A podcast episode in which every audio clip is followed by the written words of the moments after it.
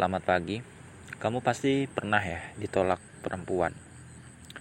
Aku pernah. Sangat-sangat pernah, sangat sering. Dan satu pelajaran yang aku dapat gitu. Kalau ada seseorang yang baik sama kamu, bukan berarti dia suka sama kamu. Aku belajar itu.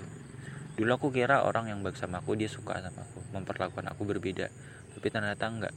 Ya karena dia dia punya keluarga yang baik sehingga efeknya dia juga jadi orang baik sama orang lain.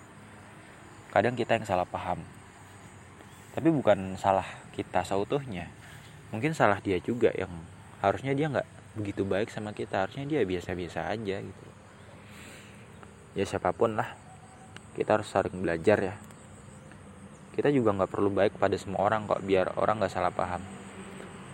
Makanya dingin itu penting kita dingin sama semua orang tuh nggak masalah sebenarnya. Sampai ada orang-orang yang benar-benar perlu nih kehangatan kita.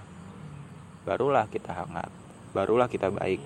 Kita nggak perlu baik sama semua orang. Kita nggak perlu ramah dan hangat sama ada semua orang.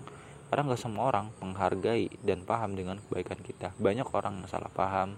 Banyak orang mengabaikan. Akhirnya kita yang sakit sendiri. Gitu. Oke kembali ke penolakannya aku pernah ditolak perempuan gitu.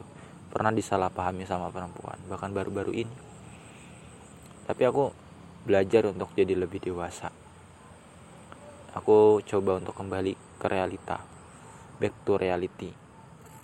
Karena ya aku tahu bahwa hidup itu harus terus berjalan sekalipun patah hati datang. Jadi jangan pikir saat kita ditolak cinta saat kita nembak ditolak itu berakhir dunia kita? Enggak hidup kita baru berakhir saat kita mati. Hidup itu akan terus berjalan selama kita hidup ya. Tuhan tuh masih memberikan kita waktu untuk menikmati hal-hal baik yang indah. Barangkali ketika kita ditolak masih banyak orang mau menerima kita apa adanya. Aku bahkan sering dengar sering ketemu sering baca gitu loh. Orang-orang yang ditolak cintanya endingnya apa? Dia mendapatkan pasangan yang sangat-sangat baik.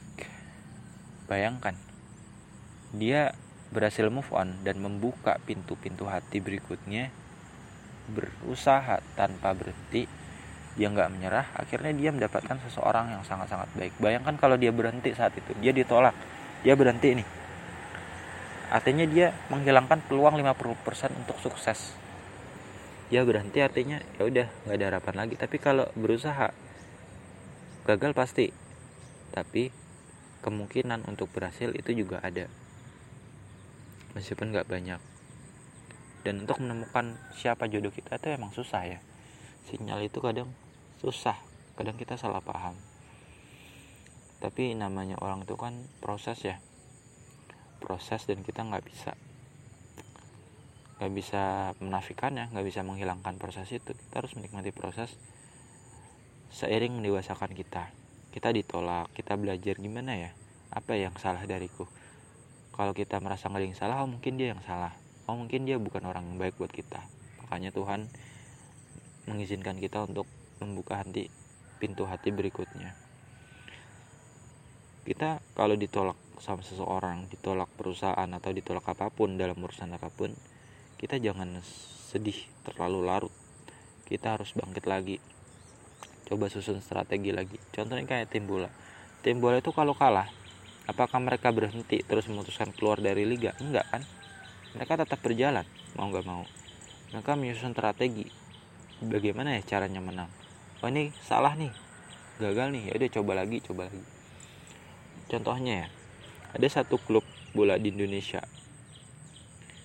Ya itu keren banget. Dia selalu kalah selama belasan pertandingan tapi mereka terus belajar terus belajar hingga akhirnya mereka memetik kemenangan pertama di pertandingan kira-kira ke 14 atau ke 15 di akhir tahun mereka memetik kemenangan itu.